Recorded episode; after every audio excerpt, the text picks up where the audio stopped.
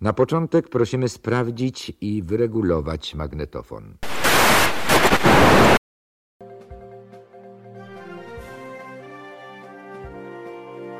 Szanowni Państwo, gościem podcastu Wotum jest pan Paweł Rakowski, ekspert do spraw Bliskiego Wschodu, a rozmawiał z panem Pawłem będzie Łukasz Kopczyk. Dzień dobry panie Pawle. Dzień dobry, dzień dobry Państwu. Wywiady Wotum. Tylko prawda. Jest ciekawa. Panie Pawle, na początku chciałbym zachęcić y, naszych słuchaczy do wysłuchania poprzedniej naszej rozmowy. Y, link znajdą Państwo w opisie do tego nagrania. A tymczasem, Panie Pawle, ja chciałbym Pana zapytać odnośnie tego, co się stało w Bejrucie. Słyszymy wiele teorii, jak to wyglądało. Od razu jeszcze gruzy y, nie ostygły, jeszcze kurz nie opadł, a już pojawiły się teorie spiskowe.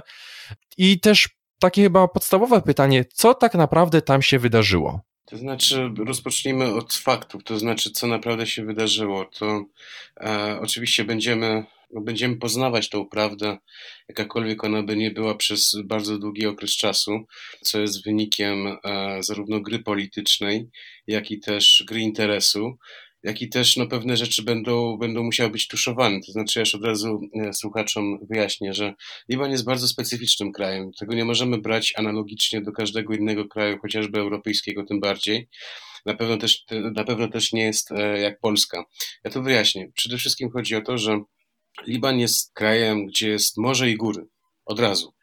Więc, więc ten port, który akurat no, on przez wieki de facto żywił, ale nawet tysiąclecia, e, żywił Libańczyków czy Fenicjan wcześniej, no to jest centralny punkt, no, największe przedsiębiorstwo, pracodawca i tak dalej, i tak dalej, ponieważ 90% libańskiego PKB to jest tylko i wyłącznie small business. E, w Libanie wszystko, co jest prywatne, jest na światowym poziomie. Znaczy, nie wszystko, ale generalnie to jest kraj usług, tak więc moim, moim prywatnym zdaniem e, te usługi stoją na o wiele wyższym poziomie niż w Polsce. Natomiast dramat jest tam, gdzie jest e, sfera państwowa. Ona jest bardzo niewielka, ale tak właściwie nawet chyba poza kasynem, główne kasyno w Libanie jest państwowe. Po, poza tym to tak właściwie wszystko jest, no, mówiąc bardzo brutalnie, dziadowskie. To znaczy tak, w Libanie problem jest z internetem, problem jest e, z wodą, problem jest e, z prądem i generalnie każde gospodarstwo domowe ma dwóch czy trzech operatorów poza państwowym, tak żeby akurat no, mieć te świadczenia bez przerwy, tak, czyli że akurat to jest normalne to, że w Libanie w ciągu dnia ten prąd się gasi na kilka sekund i włącza się wtedy e, operator prywatny. Tak więc, tak więc co się właściwie stało? To znaczy z, z jednej strony możemy wziąć pod uwagę to, że generalnie na Bliskim Wschodzie jest e, dość, dość dużo nonszalancji, tak? Ja wiele razy widziałem na stacjach benzynowych, jak e, tutaj kierowcy czy też pracownicy e, tej stacji nalewają, tankują samochody z papierosem w ustach. To, to ja to widziałem wiele razy, a też w pewnym momencie przestałem na to zwracać uwagę, chociaż to było przy pierwszych kilku takich spotkaniach, to, to było wręcz mrożące. Czyli ten kazus tej nonszalancji, tego bałaganu generalnie że gdzieś on, gdzieś on na pewno wystąpił. Druga rzecz jest taka, to, że to jest, to jest taka teoria, nazwijmy to może nie spiskowa, ale raczej lokalna. Znaczy jest taka, że no, pewne były kwity, pewne rzeczy, które tam odnośnie nieprawidłowości różnych przez, te, przez te, no wiadomo, jak to port i państwo, które jest kapitalistyczne i które jest bardzo słabe państwo, tak, aparat państwa jest bardzo słaby, e, tak więc to akurat e, tworzy pewnego rodzaju możliwości różnych przekrętów, no i pewne kwity musiały tam, nazwijmy to, zniknąć. E, najlepiej w ten sposób. Pamiętajmy też o tym, że w Libanie jest kryzys, od wielu, wielu miesięcy. Tak więc e, takie okoliczności tylko tworzą e, podstawy pod, e, pod jakieś nieprawidłowości, nazwijmy to w ten sposób.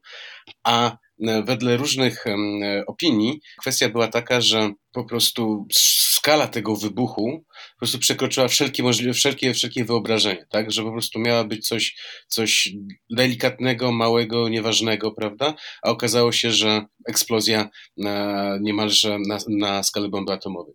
To jest, to, jest, to jest jeden czynnik, który, o którym się mówi w Libanie. Dru, druga rzecz jest taka odnośnie e, pozycji Hezbollahu, ponieważ znowu tutaj akurat działa topografia, ja tutaj e, przy, tak, tak jakby wyjaśnię. Port w Bejrucie jest położony przy dzielnicach chrześcijańskich, przy przedmieściach ormiańskich, dzielnicach chrześcijańskich i sunnickich. Tylko, że akurat wiadomo, że Hezbollah wykorzystuje jako, jako struktura pasożytnicza na państwie libańskim wykorzystywał i wykorzystuje port do, do własnych interesów. To znaczy kwestia transferu broni, kwestia eksportu narkotyków, które akurat w Libanie rosną, tak zwane haszysz, rośnie i to wszystko elegancko zbierane, pakowane wysyłane tam do, do Holandii czy do Kanady jako całkowicie legalny interes. No i e, chodzi o to, że akurat oni tam mają jakieś swoje, nazwijmy to ciemne kontenery, które nie wiadomo co jest, jak, gdzie, po co i dlaczego. No i tutaj akurat generalnie państwo nie ma żadne, żadnego wpływu. E, no i to jest e, coś, co akurat musimy też pamiętać o tym. Opinie, generalnie w chwili obecnej opinia publiczna w Libanie patrzy na Hezbollah jako właśnie tego głównego sprawcy i winowajcę e, całego zajścia, ponieważ oni też mieliby interes w tym, nazwijmy to, wybuchu. To znaczy, nie, oczywiście ja to w dalszym ciągu mówię o wybuchu w skali regionalnej, a nie światowej, tak? To znaczy, chodzi o to, że na dniach mia, ma się zakończyć śledztwo prowadzone w sprawie zabójstwa premiera premiera Rafika Harirego, to był premier Libanu, który zginął w wyniku zamachu bombowego e, w walentynki 2005 roku i e, o ten zamach posądzany jest Hezbollah. Tak więc no, śledztwo może się zakończy, może będzie jakieś orzeczenie, ale to generalnie nikogo to nie interesuje.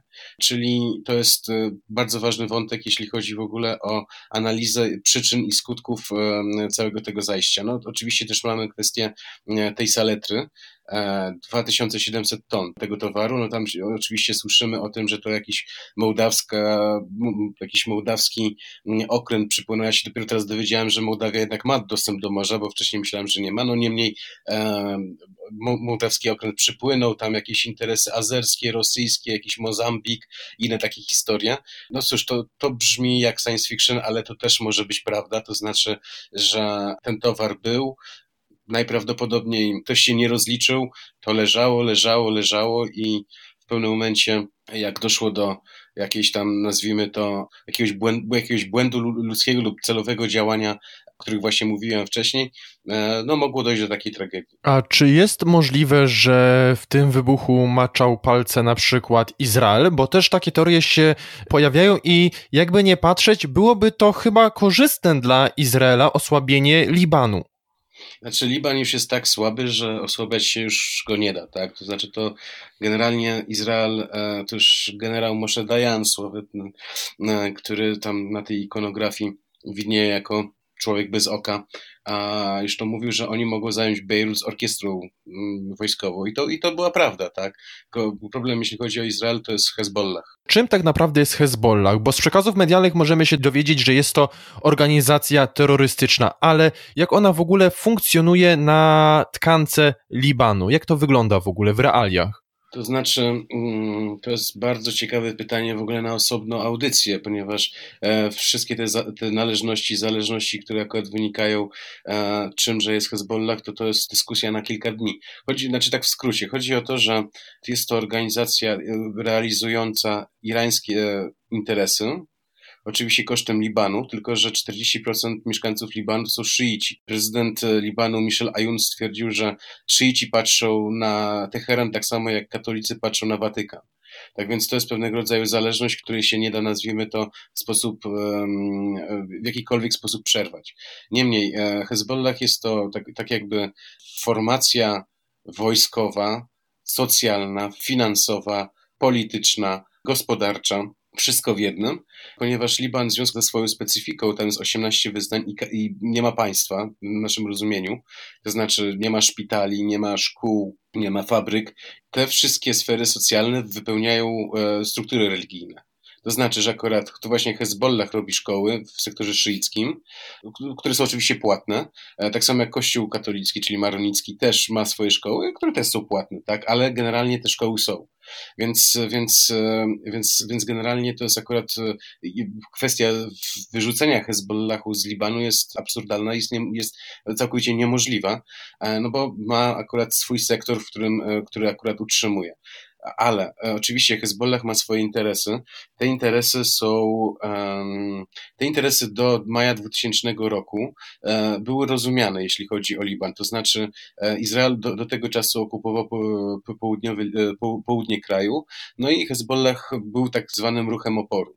Który tam męczył najeźdźców, prawda, no generalnie tam, tam no, tworzył, walczył z okupacją, tak, czyli, czyli to możemy to zrozumieć jako, znaczy jako coś normalnego. Problem pojawił się po, po roku 2000, kiedy Hezbollah nie chciał się rozbroić, chociaż Izraela już nie było w Libanie. No i doszło do powtórki e, wojny, e, znaczy doszło do kolejnego starcia pomiędzy Hezbollahem a Izraelem w 2006 roku. No i to się okazało, że Hezbollah jest generalnie strukturą zdolną do pobicia armii izraelskiej. I to już jest, i to już jest cały ten problem, ponieważ Hezbollah, jak już mówiłem, on realizuje e, irańskie interesy i on chroni Iran. To znaczy ni, e, irański program atomowy, jak i, też jak i też władza ajatollahów, ona z punktu widzenia e, swojego bezpieczeństwa jest niezagrożona a żadną interwencją amerykańską ani izraelską tym bardziej, jeżeli Hezbollah jest uzbrojony i na izraelskiej granicy stoi.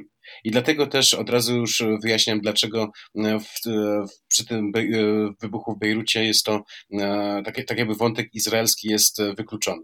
Ponieważ gdyby tam było jakiekolwiek działanie izraelskie. Hezbollah, znaczy jeżeli ktoś z Państwa sobie wyobraża Hezbollah jako e, brodatych e, w turbanach na białych e, Toyotach z kałasznikowami, to to nie, to, to, to, to, nie jest w ogóle ten typ w ogóle organizacji. Oni mają doskonale, oni mają najnowocześniejszy sprzęt, to są profesjonaliści w każdym calu i chodzi o to, że akurat prosta od razu była deklaracja Hezbollahu, że Izrael za tym nie stoi. I to, i to i, bo gdyby było inaczej, to by automatycznie by musiał uruchomić całą swoją machinę, wojenną. To jest 140 tysięcy rakiet i ponad 60 tysięcy żołnierza, bardzo dobrze wyszkolonego, bardzo dobrze wyposażonego i bardzo bitnego, oszczelanego między innymi w Syrii, e, do jakiejkolwiek reakcji, no bo inaczej by stracił twarz na Bliskim Wschodzie e, tworzenie e, reputacji jest najważniejsze, tak? A Hezbollah ma tą reputację e, tego niezwyciężonej organizacji, która, no ich zdaniem oni, znaczy, znaczy no, no ich zdaniem chronią Liban od zewnętrznych najeźdźców i po części to jest prawda, ponieważ jak oni pobili Izrael, e, zmusili Izrael do wycofywania się, pobili ISIS i y, Al-Kaidę w Syrii, która, która też, też, też nacierała na Liban, tak więc to akurat jest prawda. I e, Hezbollah w związku z tym, że akurat jest głodzony już od kilku miesięcy sankcjami, no od razu by musiał wykorzystać sytuację taką, E, do, do przeniesienia Izraela tak właściwie do schronów, tak. E, no bo ma ku temu środki, e, ma arsenał, ma, ma potencjał i, i generalnie byśmy w chwili obecnej mieli wojnę. Natomiast no to jest to akurat chyba moim zdaniem wyjaśnia wystarczająco, dlaczego możemy być pewni, że Izrael nie stoi za tym zamachem, znaczy, znaczy nie stoi za tą eksplozją, no bo generalnie e, nie ma interesu, plus, plus by ściągnął, na siebie wojnę bezpośrednią, a, a Izrael ma problem chociażby z koronawirusem. Kolejna sprawa jest taka, że te wszystkie teorie spiskowe, które my teraz widzimy, to jest najczęściej robota niczego inna jak Izraela. Chodzi, no, między innymi to jest gra psychologiczna, po to, żeby opinie w świecie arabskim, no bo Hezbollah ma reputację organizacji niezniszczalnej. No i poprzez takie teorie spiskowe, między innymi oni tworzą wyręb w tej, w tej, w tej reputacji, wyręb, e, no, no, podważają ją, tak? Tak więc, tak więc e, tu akurat jest no, bardzo, bardzo dużo różnych, nazwijmy to, głosów e, patrzą i oczu patrzy właśnie w kierunku Izraela jako tych producentów, nazwijmy to, tych wszystkich teorii spiskowych odnośnie bejruckiego wydarzenia. W takim razie, jak na sytuację tamtego regionu, Liban, Izrael i też Iran, mogą wpłynąć obecne wydarzenia? Bo Liban teraz stał się, jakby nie patrzeć, centrum świata, wszystkie oczy zwrócone na Liban. I no, jak to może wpłynąć na sytuację w regionie? To jest dobre pytanie, to znaczy jak to może wpłynąć na sytuację w regionie.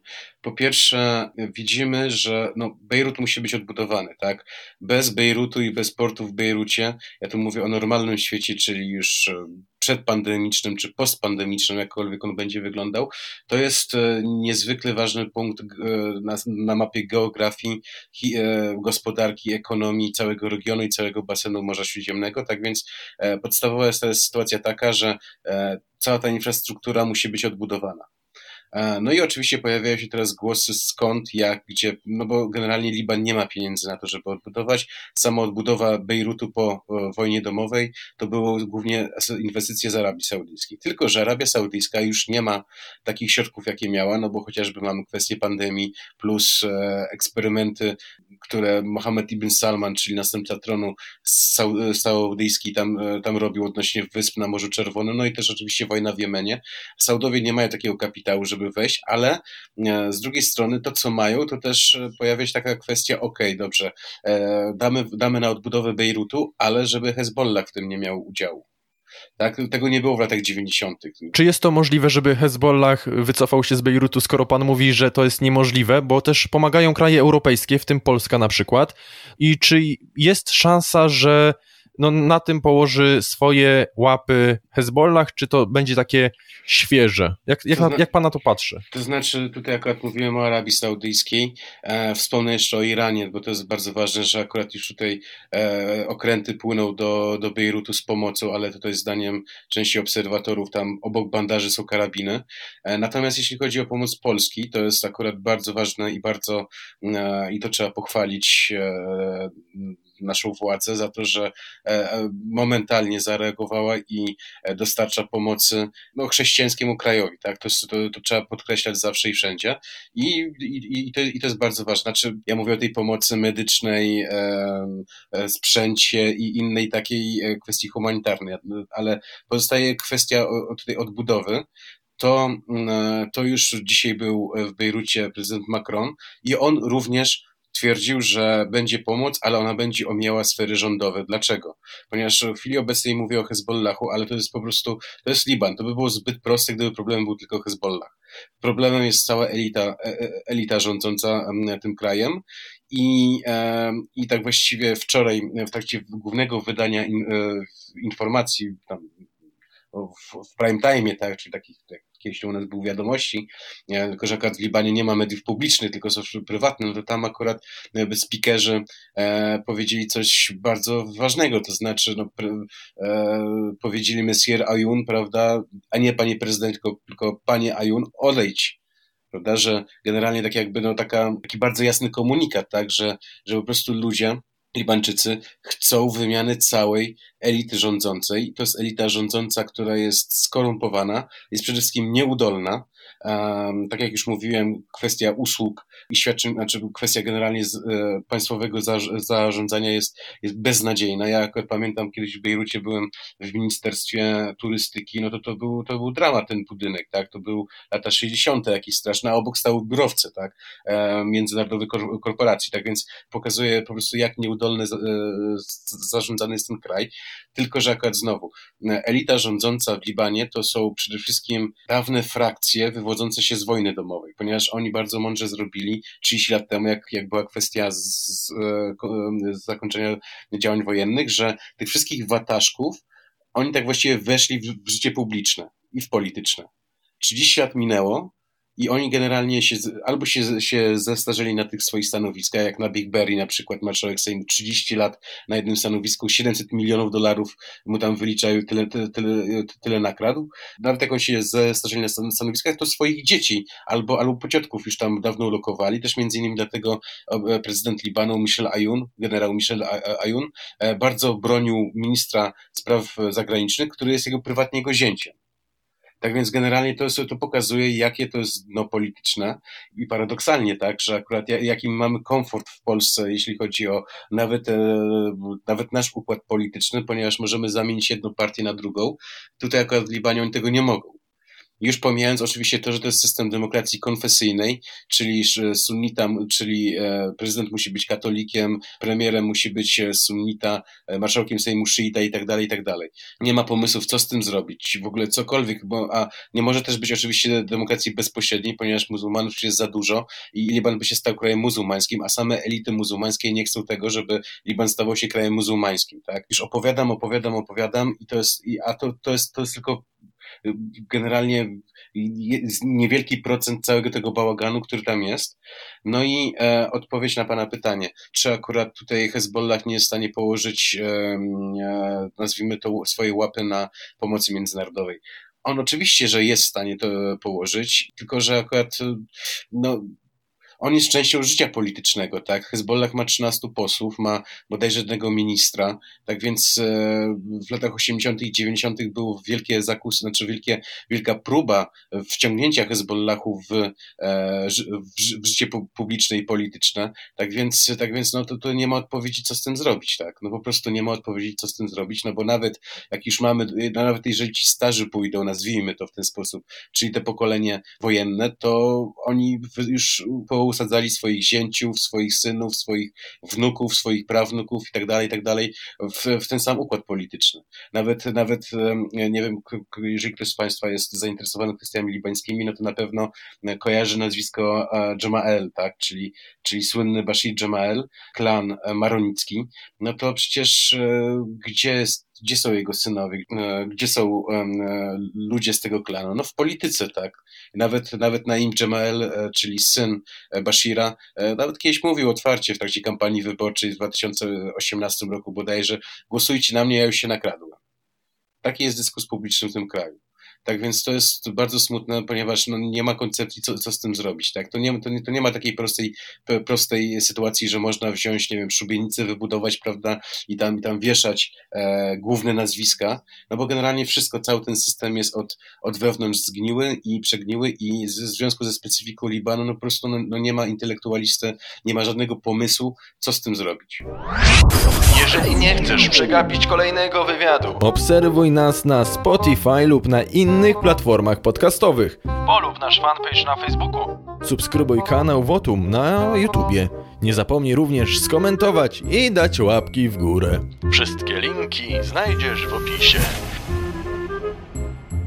Więc y, odwołując się do tego, co pan powiedział o Hezbollahu, to wynika z tego, taką teorię teraz wysnuję, że jemu by nie zależało na tym, aby, no z jednej strony by zależało, tak, no bo wtedy dyskurs publiczny kieruje się w stronę wybuchu, jest reset, można powiedzieć, każdy mhm. otrzymuje z tego korzyść, też płynie pomoc międzynarodowa, ale z drugiej strony, no teraz odcięli sobie, jakby nie patrzeć, port, no teraz nie mają jak funkcjonować. I czy jest szansa, że to był tylko zwykły wypadek, czy można dopuszczać w jakimś stopniu, w jakimś procencie, że jednak to było celowe, w Pana ocenie? To znaczy, jeżeli to było celowe, to rezultat prze, przerósł największe oczekiwania, tak? To po prostu jest, e, no tak się czasami zdarza, tak, że, że akurat co innego, co innego się planowało, a co innego, a co innego wyszło. Jeżeli, jeżeli to był wypadek, to to to znowu to akurat kompromituje ten kraj, kompromituje przede wszystkim władzę, jak i też no, wskazuje na to, że akurat, jest, że akurat Liban jest, e, jest, jest, jest krajem upadłym. Natomiast e, co jest, co, jest, co jest jeszcze niezwykle istotne, tutaj akurat właśnie z jednej strony możemy zobaczyć, że e, rewolucja w Libanie i te tak właśnie nastroje antyrządowe, anty w ogóle, znaczy oni mają tak, tak, tak zwaną filozofię wszyscy won, tak, żeby, żeby całą tą elitę, to, młodzież akurat tam okupowała centrum Bejrutu od, od października i domagała się dymisji każdego i, i wszystkich, e, wszystkich stronnic politycznych. Niemniej e, chodzi o to, że E, Hezbollah jakby, jakby to powiedzieć, bo to jest, znaczy, bo to też jest skomplikowane w sensie, bo słaby Liban to mocny Hezbollah, ale z drugiej strony zbyt słaby Liban to, e, to też nie jest, to nie jest na korzyść Hezbollahu, tak, no bo, no bo rozpocznijmy od, od tego, jakie są cele Hezbollahu, to jest przede wszystkim zamienienie, szerzenie islamskiej rewolucji, tak, tylko, że chodzi o to, że akurat Hezbollah, on nie chce E, zamieniać Libanu w islamską, w państwo islamskie, chociaż mogliby, mogliby to zrobić i nie byłby, nie byłby w stanie jakoś im e, tego, e, tego, tego zabronić, ale znowu oni tego nie robią, ponieważ nie mają interesu. Ich jedynym interesem jest, jest, jest przetrwanie. Potem jeszcze jest bardzo ważne, bardzo ważna rzecz to jest, to jest kwestia wyborów amerykańskich i tego, czy kapitał chiński wejdzie na Bliski Wschód. To jest, to, jest, to jest niezwykle istotne, tylko że znowu musimy czekać do 5 e, listopada na, na, na, na rezultaty amerykańskich wyborów e, i to teraz nam to też odpowie, e, no, w którym kierunku to pójdzie. A czy pomoc Stanów Zjednoczonych nie będzie stała w opozycji do tego, że Stany Zjednoczone są sojusznikiem Izraela, Izrael sojusznikiem Stanów Zjednoczonych? Stany Zjednoczone są uwielbiane na Bliskim Wschodzie. Znaczy, tego nikt nie powie otwarcie, ale ten, ale chodzi o, znaczy, e, czasy, czasy, kiedy Hezbollah palił flagi amerykańskie już dawno minęły, tak? To są zdjęcia z lat 80. Eee, Libańczycy akurat, no, tak właściwie każdy Libańczyk, który ma szansę wyjechać do Ameryki, wyjeżdża, już nigdy nie wraca, tylko robi przelewy do rodziny. To jest jedna rzecz. Druga rzecz, druga rzecz jest taka, że Amerykanie naprawdę mają, mogą bardzo dużo w chwili obecnej zrobić, ale przede wszystkim oni mogą, oni muszą znieść sankcje ponieważ, mm. ponieważ to jest taka specyfika tego kraju, jak i też tych ludzi, że oni generalnie, jak im się nie przeszkadza, to oni są bardzo, bardzo pracowici, bardzo ogarnięci i oni wszystko e, sobie, sobie zorganizują. Tylko, tylko, tylko chodzi o to, że akurat jak im system bankowy padł, to jest taka sytuacja w chwili obecnej, na przykład w Bejrucie, że e, jak już mówiłem, 90% PKB to, są, to jest small business, czyli ktoś, kto miał sklep, tak, i z tego żył, utrzymywał rodzinę, miał samochód zaparkowany, to najczęściej akurat to było, e, ten sklep to akurat był, e, no mieszkał piętro wyżej, tak, a teraz jak to, teraz jak w wyniku tego podmuchu um, tak właściwie stracił cały, ludzie stracili cały dobytek swojego życia, no to generalnie, znaczy generalnie no to tak, no nie ma sfery państwowej, która by pomogła, bo tam nie ma żadnego socjalu.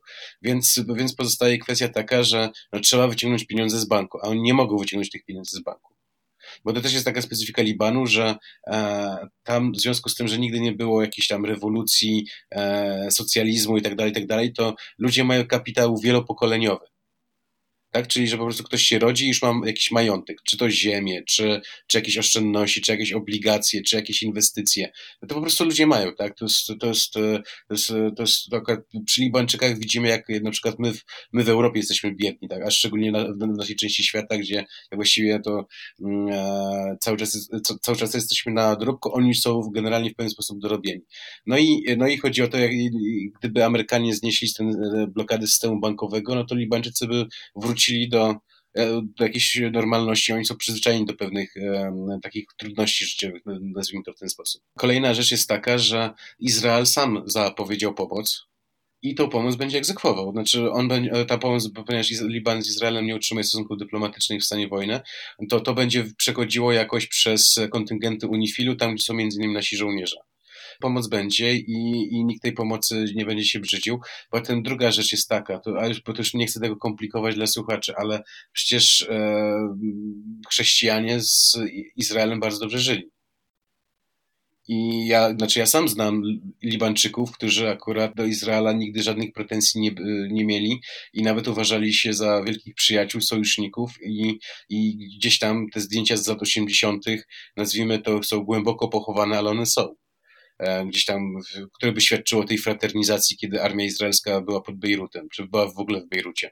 Tak więc, e, tak więc e, to nie można powiedzieć o tym, że całe środowisko w Libanie jest anty, antyzachodnie. Większość tego kraju jest prozachodnia, nawet licząc to muzułmanów. A jeśli chodzi o kwestię antyizraelską, no to, to przede wszystkim chodzi o to, że no to jest Hezbollah, tak, ale nie większość opinii publicznej w Libanie, no bo generalnie jest tak, że gdyby, znaczy tu też bardzo ważne jest to, że e, w Libanie jest pół miliona Palestyńczyków i nie wiadomo, co z nimi zrobić. Tak? Gdyby oni zniknęli w jakiś tam sposób e, i zniknąłby Hezbollah, to by traktat pokojowy byłby od razu podpisany. Jeżeli patrzymy na Liban jako państwo bardzo cywilizowane, jeżeli chodzi o sektor prywatny, bo my patrząc na Liban, no myślimy w czas ewentualnie specyfikę arabską, że tak powiem.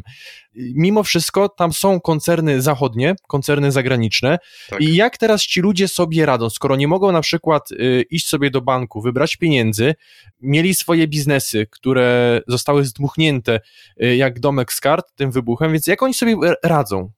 To znaczy tak, jeśli chodzi o Libańczyków, to y, czy też w ogóle mieszkańców Bejrutu, to, to też jest taka specyfika y, tego miasta, że to jest miasto przyjezdnych, ponieważ pierwotnie Bejrut, taki nazwijmy to historyczny, znaczy Bejrut generalnie był 17 razy zniszczony w historii. To jest, e, historia ma 7 tysięcy lat, 17 razy był, był, był burzony. XVII wieku było wielkie tsunami, które zdmuchnęło w ogóle to miasto. To kiedyś były tam jeszcze wyspy, półwyspy i tak dalej. Teraz to już wszystko jest tak jakby zintegrowany teren lądowy, ale kiedyś to po prostu, no to jest obszar sejsmiczny. Niemniej, niemniej chodzi o to, że akurat większość Libańczyków to jest, znaczy pierwotnie, znaczy od, tak 150 lat temu, to było miasto w większości prawosławnych. Um, no, to jest, to, to była dominująca ludność tego miasta, prawosławni. E, no, z czasem to się wszystko porozrastało, ale większość tych e, Bejrutczyków, nazwijmy to, oni i tak mają domy e, w swoich miejscowościach, w swoich miejscowościach skąd, przy, skąd przybyli. Ponieważ znowu już tak, taką, taką ciekawostkę powiem, że w Libanie jest taki system, trochę jak, e, trochę jak my znamy z Ewangelii, to znaczy jak, e, jak Józef musiał się zarejestrować, znaczy, czyli tam było to liczenie ludności, prawda, to on musiał iść do swojego miasta pochodzenia, czyli do Betlejem, ponieważ mieszkali w Nazarecie. No i podobnie jest w Libanie do, do dzisiaj, czyli że ktoś może być, mieszkać 3-4 pokolenia w Bejrucie, ale on tak musi iść do tej swojej rodowej wsi.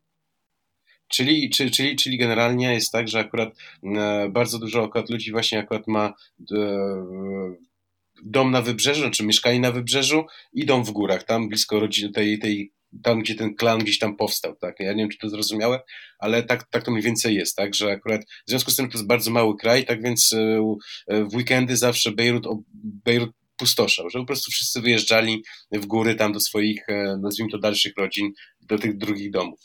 E, tak więc, tak więc to jest e, w ten sposób akurat właśnie e, sobie teraz ludzie radzą, że akurat właśnie wyjeżdżają, wyjeżdżają do tych drugich domów, to bo im te pierwsze domy zdmuchnęło.